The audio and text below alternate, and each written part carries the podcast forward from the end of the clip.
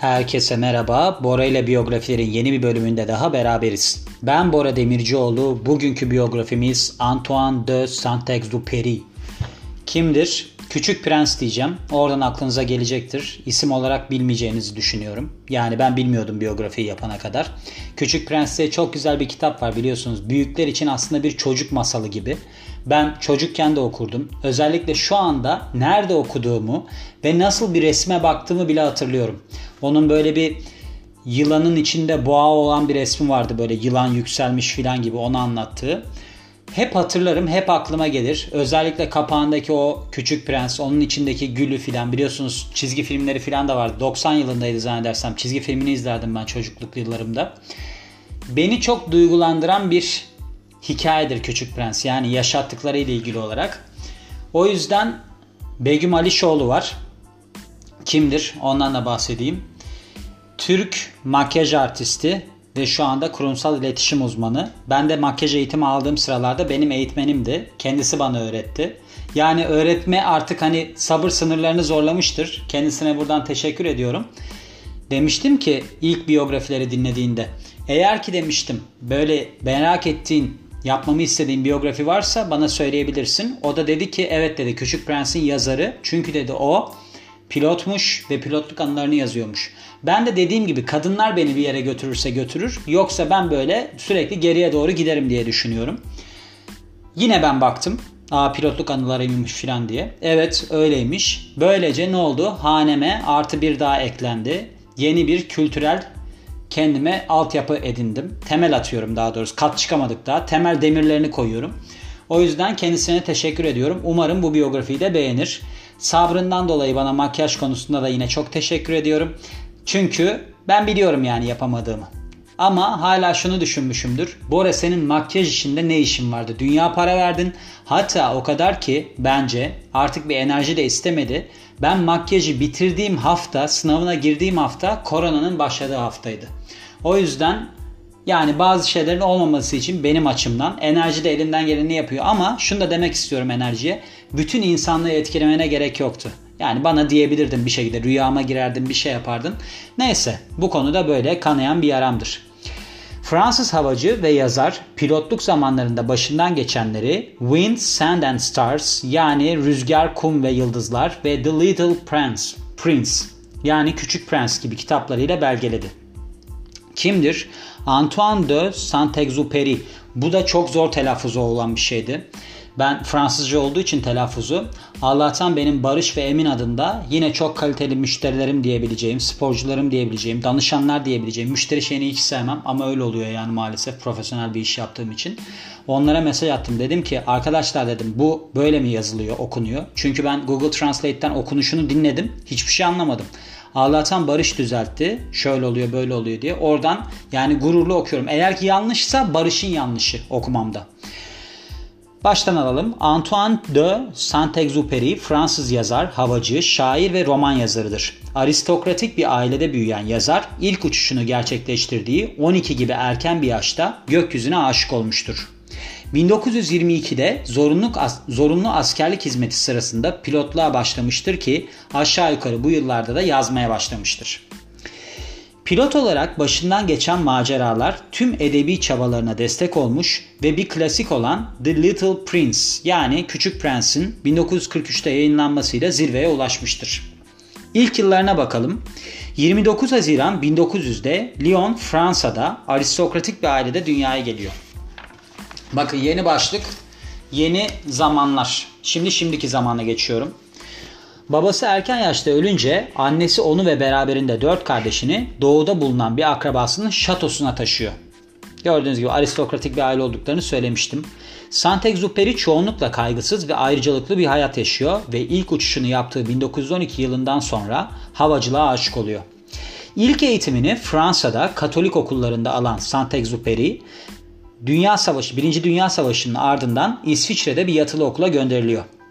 Fransa'ya 1917'de geri dönmesinin ardından Paris'te Hava Akademisi'ne girmeyi denemeden önce kısa süreliğine kolej hazırlık okuluna gidiyor. Ancak tarihi bilgisi zayıf olduğundan sınavı geçemiyor ve École de Beaux-Arts École de Beaux-Arts evet orada mimarlık okuyor. Havacılığa başlaması ve yazım kariyeri. Havacılık Akademisi'nden geri çevrilse bile zorunlu, zorunlu askerlik hizmeti sırasında Saint-Exupéry'nin uçmaya olan ilgisi tekrar alevleniyor. Orduda ilk olarak tamirci olarak çalışsa da uçmaya öğreniyor ve sonraki sene ise Kuzey Afrika üstünde hava kuvvetlerinde pilot oluyor.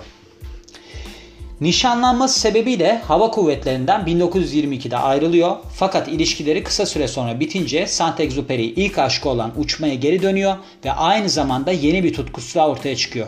Yazım. Çeşitli işlerde çalışırken Saint-Exupéry pilotluk tecrübelerinden esinlendiği hikayeler yazmaya başlıyor. Aynı zamanda posta pilotu olarak da Fransa, İspanya ve Kuzey Afrika rotasında çalışmaya başladığı 1926 yılında ilk işi The Aviator'ı yayınlıyor. Aviator da havacı işte oluyor. Saint-Exupéry'nin hayatının geri kalanı havacı ve yazar olarak iki mesleğin iç içe geçmesinden oluşuyor ve ilki edebi eserlerine ilham oluyor. Yani ne oluyor? Havacılıktaki deneyimlerini kitaplara aktarıyor ve bunu çok iyi yapıyor. Ben böyle insanlara çok hayranım biliyor musunuz? Yani yaşadığı olayları çok iyi anlatabilen insanlara. Neden hayranım onlara? Çünkü onların sohbetleri çok tatlı olur. Çok uyduruk bir konuyu da anlatsa çok güzel anlatır bazı insan. Mesela benim dayım var. Övmek gibi olmasın kendisini. Böyle bir olaylar anlatır. Mesela şimdi yazın İzmir'e gideceğim. Hikayelerini çok dinlemeyi düşünüyorum. Kendisi de böyle spora falan çok meraklıydı. Bir güzel anlatır anlattığı olayları. Yani böyle hani oturup biyografisini yazanız, yazasınız gelir. Tabi yazasınız gelir. Doğru inşallah bu da. Artık İngilizce ile Türkçe işte böyle çeşitli diller iç içe geçti. Hangi dili doğru kullanıyorum ondan tam emin değilim. Neyse yani bu bir yetenek. Ona ben karar verdim kesinlikle eminim. Wind, Sun and Stars ve diğer işleri. 1927'de Saint-Exupéry Sahara'da Sahra oluyor bir havaalanında görevlendirildi ve buradaki deneyimleri ilk romanı ki 1929 yılında oluyor bu. Southern Mail, Güney Postası'na esin kaynağı alıyor. Kitap pilotların cesaretini anlatıyor. Benzer konulu diğer romanı Night Flight bir hava posta sistemi kurulmasına yardım ettiği Arjantin'den döndüğünde 1931'de yayınlanıyor. Night Flight Prix Femina Edebiyat Ödülü alarak ve başrollerinde John Barrymore, Helen Hayes ve Clark Gable'ın yer aldığı 1933 yapımı bir Hollywood filmine uyarlanarak ilk edebi başarısı oluyor. 1931'de aynı zamanda Salvadorian yazar ve sanatçı Consuelo Sansin ile ilk kez evleniyor. Her ne kadar, yani bunlar üç kere falan evlenmemişler. İlk kez evlenmiş, onunla evlenmiş. Her ne kadar beraber de olsalar, hiç ayrılmasalar da bu evlilik Saint-Exupéry'nin sadakatsizlikleri ve sık sık ortadan kayboluş yani hani göreve gidiyor bilmem ne oluyor ya sebebiyle sorunlu. Hatta bu ortadan kayboluşların en önemlisi 1935'te Paris ve Saigon arasındaki hava hızı rekorunu kırma girişimiyle böyle bir perçinleniyor yani artık hani diyor ki ben artık gelmiyorum arkadaş. Uçak sahraya düşüyor ve o ve kopilot günlerce çölde yürüyor. Kurtarılmasalarmış susuzluk ve güneş böyle yanmasından ölüyorlarmış. Saint-Exupéry'nin 1939 anıları Wind, Sand and Stars yani rüzgar, kum ve yıldızlar önceki işlerinin başarılarını geride bırakarak The Academy Franchise'dan prestijli roman yazımı büyük ödülü Grand Prize for Novel Writing ve Amerika'da da Ulusal Kitap Ödülü National Book Award'u kazanıyor. Küçük Prens'e gelelim. The Little Prince. Ne büyüyen edebi başarısı ne de geçirdiği pek çok uçak kazası sebebiyle ortaya çıkan sakatlıkları yazarımızı, pilotumuzu pilotluktan ayıramıyor öyle diyelim. İkinci Dünya Savaşı patlak verdiğinde Alman işgali onu Fransa'dan kaçmaya zorlayana dek askeri keşif pilotu oluyor. New York City'ye taşınarak çalışmaya müda pardon çatışmaya müdahale etmek için ABD hükümetiyle lobi yapıyor ve 1942 Flight to Eros ve 1943 Letter to a Hostage yani bir rehineye mektup maceralarını belgelemeyi sürdürüyor kitaplarıyla. Ancak edebi perspektiften bakıldığında bu zaman dilimindeki en önemli işi yetişkinlere yönelik bir çocuk masalı olan Küçük Prens. Ve doğal olarak. Çölde mansur kalan bir pilotun şiirsel ve mistik hikayesi ve başka bir gezegenden genç bir prensle yaptığı konuşma Saint-Exupéry tarafından yazılıyor ve resimlendiriliyor. 1943'ten ABD'de pardon 1943'te ABD'de hem İngilizce hem Fransızca olarak yayınlanıyor. Sonradan 200 dile daha çevriliyor. 20. yüzyılın en başarılı kitaplarından biri olarak kabul ediliyor. Tüm zamanların en çok satan kitaplarından biri oluyor.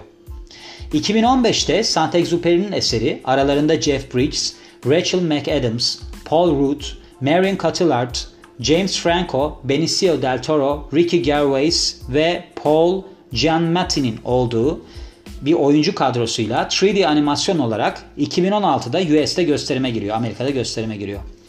Bu adamın ölümü kısa bir ömrü oluyor. Yani 44 yaşındayken ölmüş. 1943'te Saint-Exupéry Fransa'ya geri dönüyor ve sakatlıklarına rağmen uçmakta ısrar ederek filosuna katılıyor. 31 Temmuz 1944'te işgal altındaki Fransa'da bir keşif görevi için Korsika'dan ayrılıyor.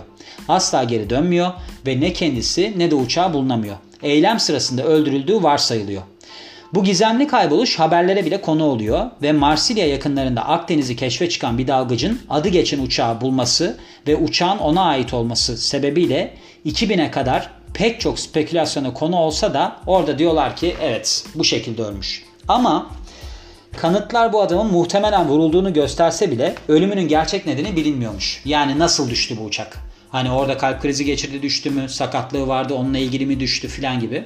Gördüğünüz gibi kısa bir yaşam yani 44 yaşında bitmiş bir ömür. Fakat şu var. Bakın ben bu adamın hala biyografisini yapıyorum. İşte ben böyle birisi olmak istiyorum. Yani umarım olurum. Nasıl olurum bilmiyorum ama muhtemelen sporda bir şey yaparak olacağım. Öyle düşünüyorum. Böyle insanlar olmamız gerektiğine inanıyorum ben. Yani şimdi ben bundan sonra bir biyografi daha yapmayı planlıyorum. Sevdiğim bir insanı kaybettim koronada. Onunla ilgili. Yani yapabilir miyim yapamaz mıyım onu bilmiyorum. Çünkü bazı konularda biraz hüzünleniyorum. Hüzünlenince de sesim titriyor, bir şeyler oluyor. Konudan kopuyorum. Umarım yapabilirim. Yani Ayşe teyzeydi o. O da mesela şimdi korona sebebiyle bizim aramızdan ayrıldı ama hala yaptıklarını ben düşünüyorum ve o biyografide onu anlatmayı düşünüyorum.